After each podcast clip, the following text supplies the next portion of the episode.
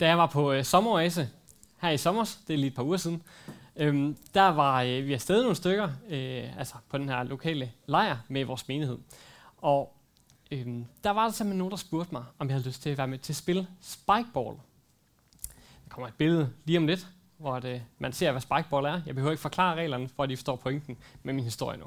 Nå, spikeball. Der, yes. Nemlig. Det er ikke mig. Det kunne have været mig. Det er det ikke. Der var simpelthen nogen, der spurgte, om jeg havde lyst til at være med til at spille spikeball. Øh, jeg synes, spikeball er sjovt. Jeg synes, spikeball øh, det er okay til. Jeg har prøvet det nogle gange før. Øhm, og øh, da de spurgte, så blev jeg sådan lidt øh, entusiastisk omkring mine egne evner. Så jeg udbryder simpelthen, ja, og jeg smadrer jer. og øh, så var det ligesom lidt at leve op til. Så, så begyndte vi at spille, øh, og mens vi, begy- mens vi spiller, så finder jeg stille og roligt ud af, at de her familiefædre, som havde spurgt mig, de er lidt bedre til spikeball, end jeg havde troet. Øh, og øh, efter tre sæt, så intense sæt, og jeg var meget tæt på, sammen med min holdkammerat der, at vinde, men vi taber faktisk. Taber faktisk kampen. Og derefter så går det op for mig, at det her billede af mig selv som uovervindelig spikeball-spiller, at det her idealbillede af mig selv, det er simpelthen ikke levet op til virkeligheden. Det svarede ikke til realbilledet. Det svarede ikke til sådan, som det egentlig så ud. Øhm, og jeg tror faktisk, at guden Loki fra Avengers har haft det lidt på samme måde, da han øh, kæmper mod Hulk her.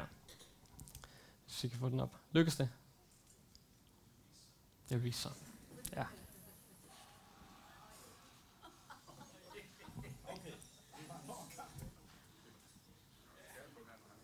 Åh, oh, kan vi lige få lyd på det?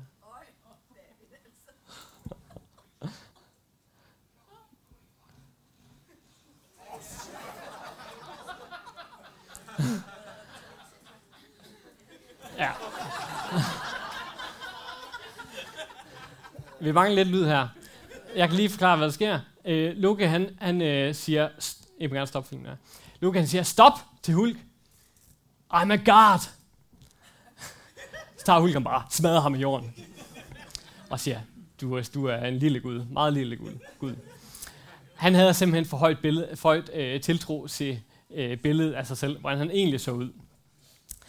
Øhm, og i dag, i dag skal vi høre om en, som har lidt samme konflikt mellem ens eget billede af sig selv, og hvordan virkeligheden egentlig ser ud. Vi skal læse fra Lukas evangeliet, kapitel 18, vers 9-14. Til nogen, som stolede på, at de selv var retfærdige, og som foragtede alle andre, fortalte Jesus denne lignelse. To mænd gik op til templet for at bede. Den ene var fejser, den anden toller. Fejseren stillede sig op og bad således for sig selv. Gud, jeg takker dig, fordi jeg ikke er som andre mennesker. Røvere, uretfærdige, ægteskabsbrydere, eller som tolleren der. Jeg faster to gange om ugen, og jeg giver tiende af hele min indtægt. Men tolleren stod afsides og ville ikke engang løfte sit blik mod himlen, men slog sig for brystet og sagde, Gud, vær mig sønder noget. Jeg siger jer, det var ham, der gik hjem som retfærdig, ikke den anden. For enhver, som ophøjer sig selv, skal ydmyges, og enhver, som ydmyger sig selv, skal ophøjes.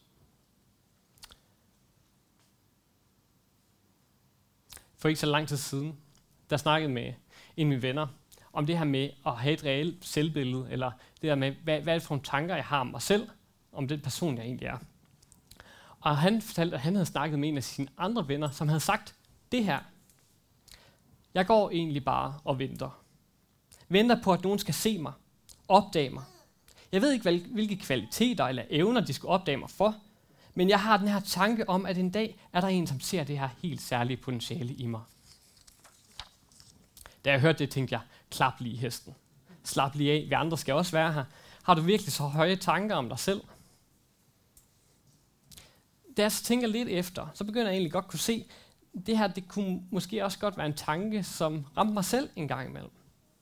Jeg kan huske bare i min ungdomsår, da jeg spillede meget fodbold, øh, og kan måske også godt have tanken en gang imellem nu, at øh, prøv at tænke, hvis der var en talentspejder, der lige kom forbi, og lige så mig spille, og, se, og sagde, ham der, han kan da godt spille med i Premier League. Det kan han da godt. Det vil han da være helt vildt god til, hvis jeg bare lige gav ham det der, og så, så kunne han finde ud af det. Eller tænk, hvis nogle af de her prædikner, som, som er blevet sendt ud øh, på YouTube i løbet af, af, af foråret her, hvis nu at de gik viralt. og og øh, at, fordi at folk simpelthen så, det her bare var sådan åndsfyldt og stærk prædiken. Det ville være vildt. Lady Gaga kommer her. Hun siger det på den her måde. Jeg har altid været berømt. Øhm, I kan så læse det. Der var bare ingen, der vidste det endnu. Der er også noget, der driver mig så, så meget frem mod gerne vil lykkes, ses og anerkendes, ligesom Lady Gaga. Det kan være, det er det samme drive, som øh, her har givet fejseren sit eget, sit højsyn på sig selv i lignelsen i dag. Fejseren har desværre fået et alt for dårligt ry. Der er simpelthen ingen, der vil være fejser i dag. Hvem vil nogensinde med sin gode vilje se sig selv som en religiøs fanatiker? En, der faster, ikke drikker, en, der ser ned på andre mennesker. Det, vi, vi gider ikke identificere os med den slags mennesker. Men på Jesus tid, der var det faktisk helt anderledes. Alle ville gerne være fejser. Hvis der var noget, som vækkede folk opmærksomhed og interesse, så var det fejserne. De var den religiøse kerne. Det var de fromme, de hellige, der gik foran folket for at lede dem frem mod den nye jord. Der var Messias skulle komme og forandre alting. De var forgangsmændene. De var krigerne. Religiøse krigere. Det var dem, der lød alting i livet centrere sig om Gud. Og det var der virkelig aktier i dengang. De overholdt loven, fastede, holdt hviledagen hellig, fortolkede alt så restriktivt som muligt, så de kunne gå den lige retfærdige vej. Farisæerne var velanset. De levede op til Guds bud, og de hjalp andre med at gøre det samme. Men når man havde fejsernes anseelse, magt og ansvar, når alles øjne var rettet mod dem, ja, øh, og når alle sådan der ildhus, som fejserne holdt Guds bud med, så er det altså ikke så mærkeligt, at det her billede af dem selv var noget, de gerne ville bevare. Det som andre folk, det billede andre folk havde af dem, at det var noget, de gerne ville bevare. Fejseren i lignelsen siger, Gud, jeg takker dig, fordi jeg ikke er som andre mennesker. Røver, uretfærdige, ægteskabsbrydere og som tolleren der. Jeg faster to gange om ugen, og jeg giver tiende af hele min indtægt.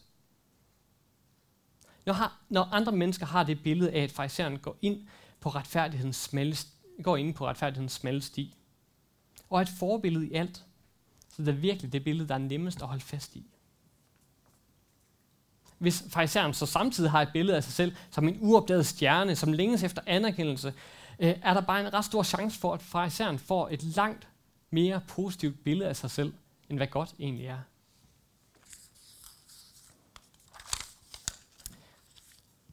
Det er som om, at farisæeren er trådt ind i en spejlsal. Her kan han kun se idealbilledet, drømmebilledet af sig selv. Og jeg er overbevist om, at mange af os lige så nemt træder ind i sådan en spejls- spejlsal, hvor billedet af mig selv forvrænges. Man kan så spørge, hvorfor er det så vigtigt med et sandt billede af sig selv? Er det ikke bare lige meget? Hvorfor kan jeg ikke bare få lov til at drømme og stræbe efter at blive noget andet, eller noget mere end den jeg er? Er det ikke bare sådan en jantelovs tankegang? Du skal ikke tro, du er noget. Der kommer lige et billede her. I Harry Potter og de vise sten øh, finder Harry Potter et spejl. Da han kigger ind i det, ser han først sig selv. Men når han kigger lidt efter, så ser han sine forældre bag ved sig, sin mor og far, og moren lægger hånden på hans skulder. Og Harry Potter er ved at blive helt forgabt i det her billede. Hans forældre døde dog, da Harry Potter var helt øh, lille. Så spejl, spejlet viser os noget andet end virkeligheden.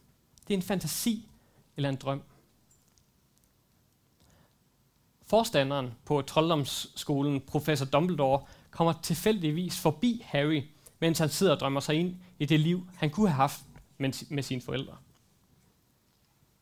Selvom det her tilsyneladende er et uskyldigt og en forståelig drøm, så advarer han Harry Potter om at dvæle ved drømmen i spejlet, for den vil kun gøre ham mere optaget af den. Hvis han kigger ind i det her idealbillede, vil han miste sig selv og gå glip af livet. Med lignelsen i dag advarer Jesus om det samme. Idealbilledet af os selv kan komme til at få så meget magt over os, at vi ikke kan kende forskel på drøm og virkelighed. Det er, for, det, er, det er virkelig nemt for os at kigge ind i et spejl, som viser et urealistisk billede af vores liv. Selvfølgelig er det en længsel for Harry Potter at få sin mor og far igen. Han savner sine forældre. Det er dybt, øh, det er dybt og hjerteskærende sår, som aldrig vil læges. Men han må ikke dyrke drømmen, kigge så dybt i den, at han fortabes i den drøm. For han vil aldrig opnå den. Og så mister han forbindelsen til det virkelige liv. Det liv, hvor han ikke har nogen familie. Det er det virkelige liv. Det liv, hvor han kæmper mod det onde i ham selv og i verden. Det liv, hvor han kæmper for venskab og fællesskab. Derfor vil Dumbledore fjerne spejlet, så Harry Potter ikke kommer til at bedrage sig selv og søge ned i en uvirkelig drøm. En drøm, som ikke har nogen forbindelse til virkeligheden. Problemet med at leve i et drømmebillede af sig selv, er, at så bliver jeg distanceret, distanceret fra det liv, jeg lever i. Og det betyder, at alt kommer til at handle om det her billede.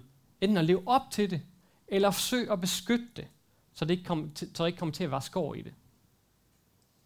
Det er et fængsel at leve med et urealistisk billede af sig selv.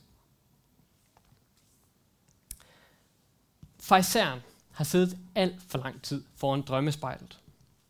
Alt, hvad han ser, når han kigger i sig selv, er poleret. Det er et skønmaleri. Han ser kun de sider af sig selv, som bekræfter drømmebilledet. Ja, han betaler tiende. Ja, han stjæler ikke. Ja, han har ikke ladet sig skille fra sin kone. Ja, han faster, når han skal, og beder, når han skal. Han er i hvert, i hvert fald ikke så nedrig, at han øh, er indgået en aftale med romerne øh, og, og arbejder for dem og udnytter sin egen medborger som en toller. Men hvad med resten af hans liv? Hvordan ser det egentlig ud? Hvis man bare ser på teksten, så har han i hvert fald et stort blindspot. Han siger, tak Gud, at jeg ikke er som tolleren der. Man kan næsten høre ham udbryde, Ad. Men det største bud i loven er, at du skal elske Herren dit Gud af hele dit hjerte, sjæl, sind og styrke, og din næste som dig selv. Hvordan kan han ikke se, at han allerede der er så langt fra Guds målestok, som han kan være?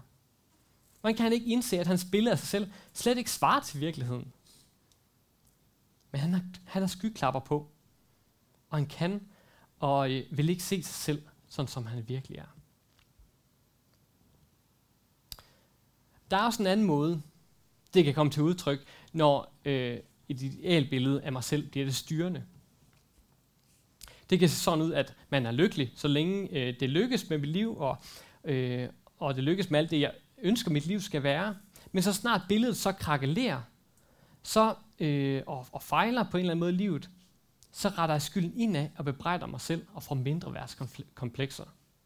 Jeg dur heller ikke til noget. Hvad kan jeg egentlig finde ud af? Der er ingen, der kan lide mig. Så længe jeg lever op til idealet, øh, har jeg det godt med mig selv. Men så snart jeg fejler, bliver idealet et ubønhørligt krav, som ikke slipper en, før alt energien er brugt i kampen på at leve op til det. Sådan her lyder en historie fra en kvinde, som lider af spiseforstyrrelse. Jeg kan ikke længere leve op til spiseforstyrrelsens overmenneskelige krav om perfektionisme, evigt energioverskud, topkarakter på studiet og så mange gode træningspas som muligt. Det gik fint i en periode, hvor jeg tabte mig, løb stærkere og afleverede gode opgaver i skolen. I spisforstyrrelsens drømme løber jeg langt over 100 km om ugen, lever af havregryn og guldrødder, får 10-12 taler på studiet, er glad og mødes med mine veninder. Det ønsker den sig, men jeg orker ikke at lytte til spisforstyrrelsen mere, eller gøre som den siger. Jeg er træt og ked af det og kæmper med en depression. Jeg er ikke perfekt og har ikke uendelig kræfter og tid til studiet. Jeg er bare et menneske, men det forstår spiseforstyrrelsen heller ikke. Kvinden her, hun oplever idealets ubønhørlige krav. Og så længe idealet fastholdes, kan livet, troen, relationen, studiet, arbejdet, det kan blive sådan en stor byrde, der kan selv for de mest robuste mennesker ned med nakken. Så lige meget om ens billede af sig selv er som fejserens, der undertrykker, hvordan han egentlig ser ud, øh, og om livet er en evig, eller om livet er en evig øh, kamp som kvindens til at leve op til et ideal, eller om man pendulerer frem og tilbage mellem hårdmodet og mismodet, så er det udtryk for et idealbillede, der har kontrollen.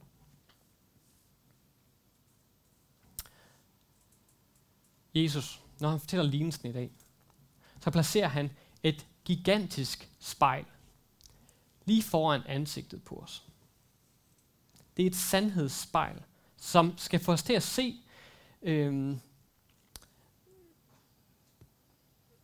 øh, det skal, et sandhedsspejl, der skal få os, der ser i det, til at se på os selv, sådan som vi virkelig er. Lignelsen er en advarsel om at spejle sig selv kun i det positive og ideelle selv- selvbillede.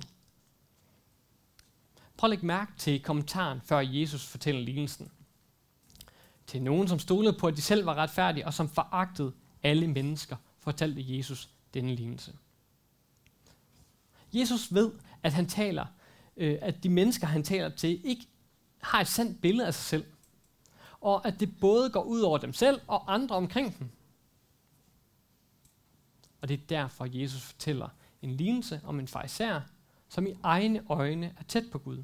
I egne øjne er han retfærdig. Men faktisk er det langt, øh, faktisk er det meget længere væk fra idealet, end han selv tror. Faktisk så er det tolleren, der er tættere på Gud end fejseren. Det er overraskende. Men det er fordi tolleren ser sig selv øh, i langt højere grad, som han er.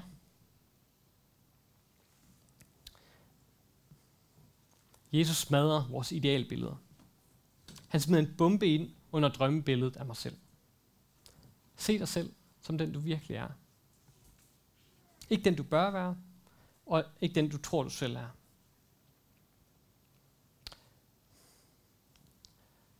Jeg læste noget interessant af en øh, professor og forfatter, Brené Brown.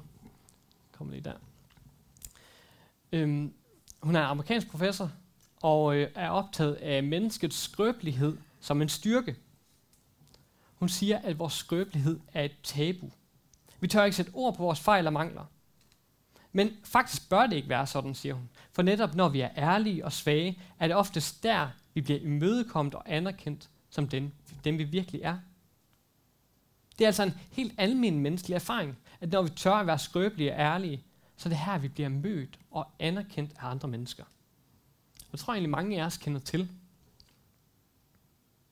Når jeg tør at være ærlig om, hvilke idealer jeg ikke formår at leve op til, så mister idealet pludselig sin magt.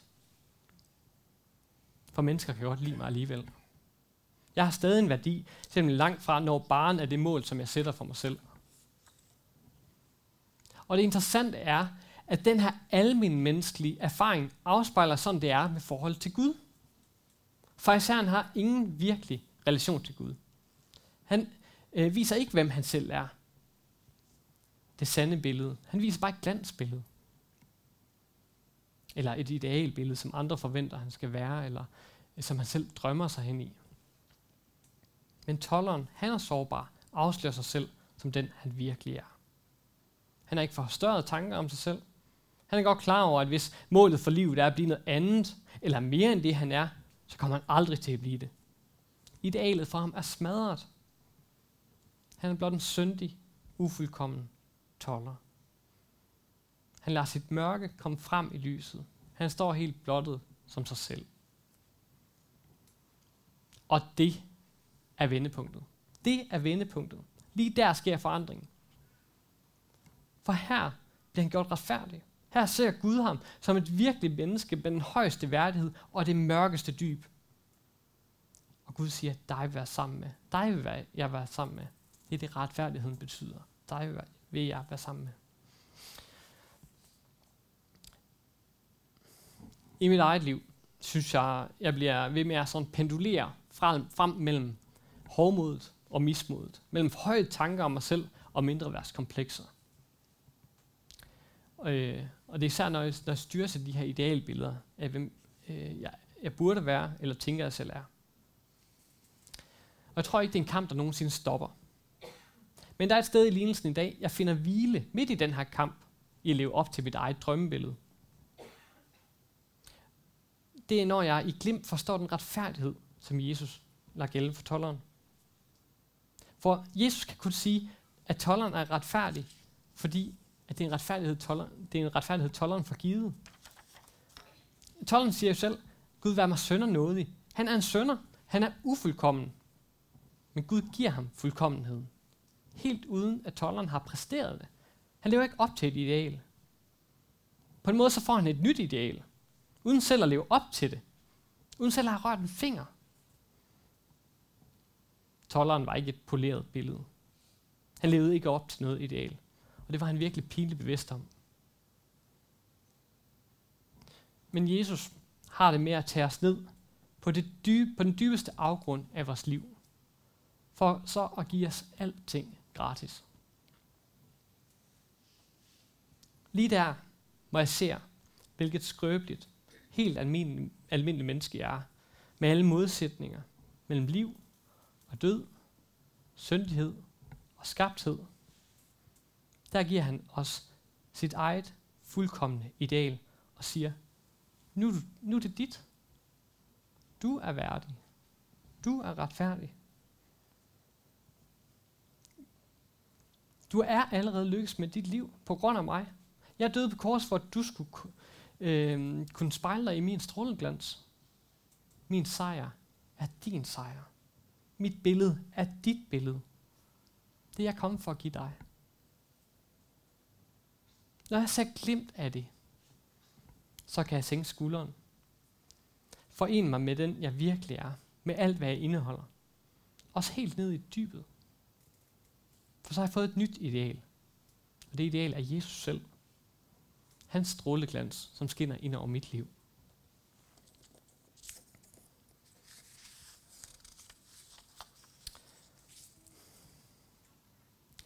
Hvad ser du, når du ser i spejlet? Ser du skyggerne i spejlbilledet? Det mørke og det forvrængede? Eller ser du dig selv som en, der ikke lever op til et ideal? Er du klar over, at du aldrig finder hvile, før Jesus giver dig et helt nyt billede af dig selv? Ved du, at han har givet sit eget spejlbillede til dig, så når du ser i spejlet, så må du se dig selv som ham. Kom til ham. Bøj dig ned for ham. Som tolleren med sit mørke og brudte liv. Og der giver han sig selv til dig. Fordi han slet ikke kan lade være.